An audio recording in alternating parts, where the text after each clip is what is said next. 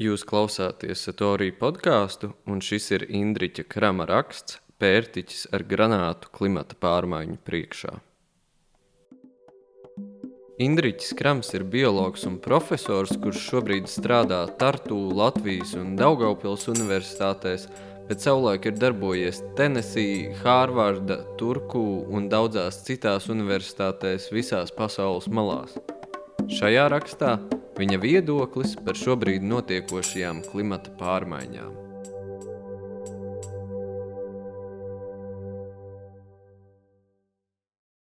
Mēs, Homo sapiens, esam jauna suga, kas radusies vien pirms 3,5 miljoniem gadu, bet dzīvības vēsture kopumā ir nedaudz senāka par 4 miljardiem gadu. Cilvēks ir viena no vismazāk interesantajām primātu sugām. Mums nekad nav piemitušas jebkādas īpaši izcils īpašības, ja neskaita spēju manipulēt ar tuvākiem un tālākiem savas vai citu sugu pārstāvjiem.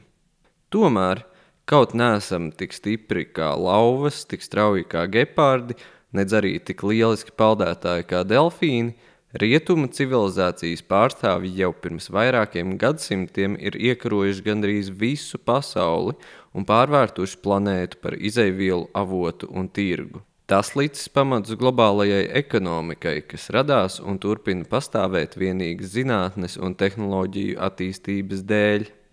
Reliģija ir atkāpusies malā, un vismaz šobrīd par zināšanām nevienu nededzina uz sārta, varbūt vien nomētā ar akmeņiem. Zinātnes uzplaukums bija negaidīts pavērsiens cilvēces vēsturē. Jauniegūto zināšanu pārbagātība devusi mums iespēju dzīvot labāk nekā jebkad agrāk.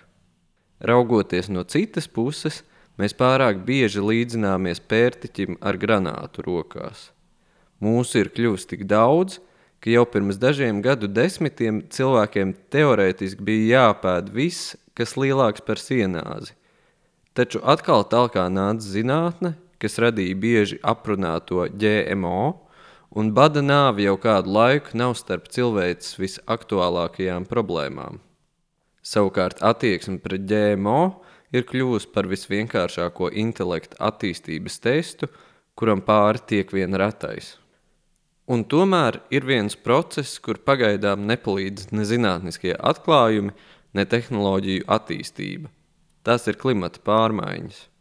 Uz lielu strīdu fona skaidrs ir viens. Ar Zemes atmosfēru kaut kas vairs nav tā, kā ir bijis iepriekš. Paaugstinās gaisa temperatūra un karstuma viļņi ir kļuvuši par pierastu parādību. Mēs visi to ikdienišķi saucam par klimata pārmaiņām. Tomēr daudz mazāka vienprātība un pārliecība valda sarunās par prognozēm, kas saistītas ar šo pārmaiņu radītajām ekonomiskajām un ekoloģiskajām sekām. Pamazām rodas apjausma, ka mēs ne tikai nemākam raksturot to, kas noticis, bet arī neapjaušam, cik neatgriezieniskas ir šo notikumu sekas, nezinām, vai mēs ar to spēsim sadzīvot, un visbeidzot, nesaprotam, kas mums būtu jādara un vai vispār kaut ko esošajā notikuma gaitā ir iespējams mainīt. Ir samērā daudz skeptiķu, kas runā par to, ka klimata pārmaiņas notiek arī bez cilvēku līdzdalības, un arī tā nav nepatiesība. Situācijas skaudrums ir nepiedodams. Tagad, kad esam mainījuši visas Zemes ekosistēmas, mēs vairs nespējam atšķirt, cik liela ietekme planētas klimata pārmaiņās ir mūsu pašu roku darbam un to, cik lielā mērā tas ir dabas ciklu rezultāts. Skeptiķi, tostarp ASV prezidents, nav mūsu lielākā problēma, jo to, cik plāna ir elpošanai izmantojamā atmosfēras daļa, mēs zinām paši. Par to vēsta alpīnistu stāsti, tāpat to ir redzējis katrs, kas lidojis ar lidmašīnu. Šo dažu kilometru biezā vai plānā slānīšu piekvēpināšana ar dūmiem ir tikai pāris mēnešu vai gadu jautājums. Cilvēku attīstības primitīvismu vislabāk var raksturot tas, ka mēs līdz šim fosīlos resursus esam izmantojuši kā kurināmo - naftu, gāzi un ogles – lai gan patiesībā no tiem var ražot gandrīz visu, kas mums ikdienā vajadzīgs - zāles, plastmasu, pārtiku un tā tālāk. Ja cilvēki pastāvēs arī nākotnē, viņi savus 21. gadsimta sākumā dzīvojošos priekštečus raksturos kā tos neattīstītos, kas vēl dedzināja naftu. Kāda tad ir situācija ar mūsu izpratni par klimata pārmaiņām un gāzu sastāvu maiņām atmosfērā? Šajā sakarā ir svarīgi pateikt divas lietas. Pirmkārt, lai izprastu procesus, kas norisinās atmosfērā un spētu veikt kaut kādas prognozes, ir jābūt klimata fiziķim. Ne biologam, ne vienkārši fiziķim, ne klimatologam un meteorologam, bet tieši klimata fiziķim. Atmosfēra ir daudz sarežģītāka sistēma nekā cilvēki parasti iedomājas. Ozona slānis atrodas mezosfērā starp 15 un 35 km augstumu, un tas ir slānis, kur atmosfēru ionizē saules vēju.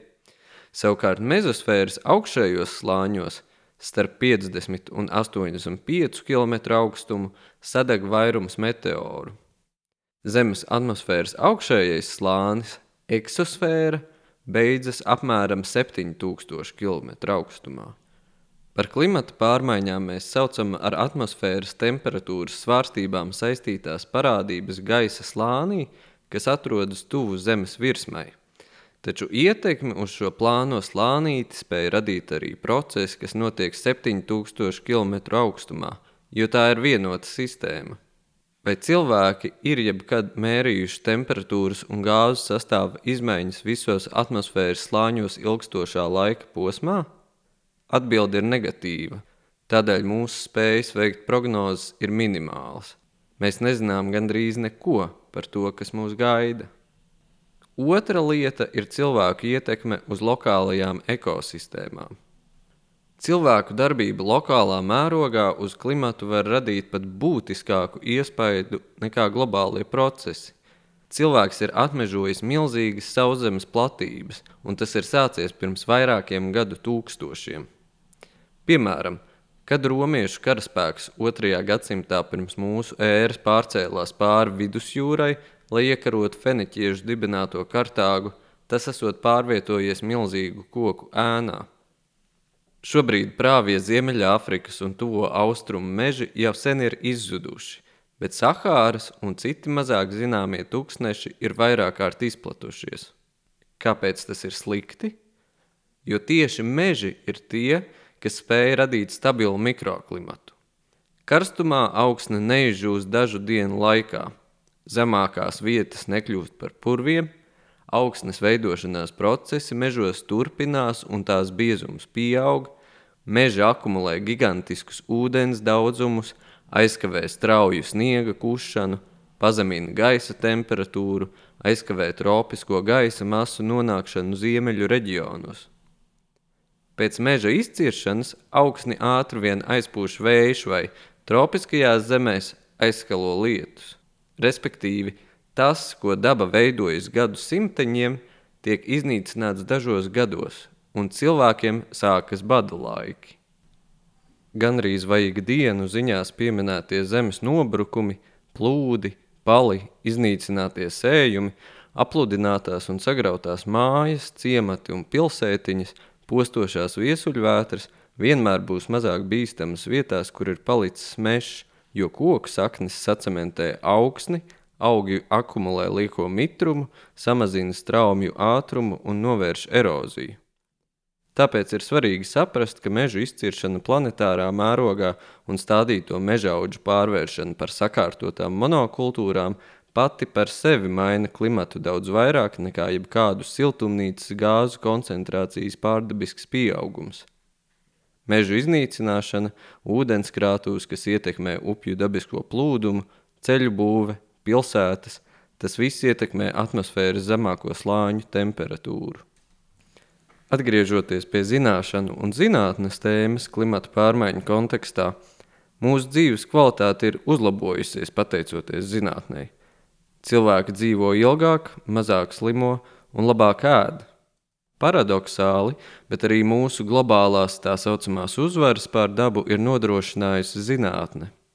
Tagad zinātnē ir laiks nodrošināt cilvēces izdzīvošanu globālo klimata pārmaiņu laikā, jo Zeme ir vienīgā vieta, kur varam pastāvēt, lai ko mums arī nestāstītu tādas personības kā Īlons Masks. Šeit parādās problēma. To faktoru vidū, kas stimulē inovācijas un ekonomikas izaugsmi, ir valstu izcelsme, geogrāfiskā atrašanās vieta un vietējā klimata bardzība. Anglosakšu zemes, kā arī tālāk ziemeļos esošās Eiropas valstis, vēsturiski ir bijušas inovatīvākas, un šo valstu ekonomiku tieši ietekmē to universitāšu kvalitāte un augstās vietas reitingos. Respektīvi, ja līdz šim tieši augstais klimats ir mudinājis cilvēkus izprast dabas noslēpumus, pastāv iespēja, ka klimatam kļūstot siltākam, mums vairs nebūs stimula tik ļoti piepūlēties – izglītības sistēmu atkal varēsim balstīt uz reliģiskajām tradīcijām un vadoņu iegribām. Ja klimata pārmaiņām būs šādas sekas, tas var kļūt par civilizācijas kapraci vēl pirms cilvēku miljardu radītie atkritumi un fizioloģiskās darbības gala produkti mūs piebeigs fiziski.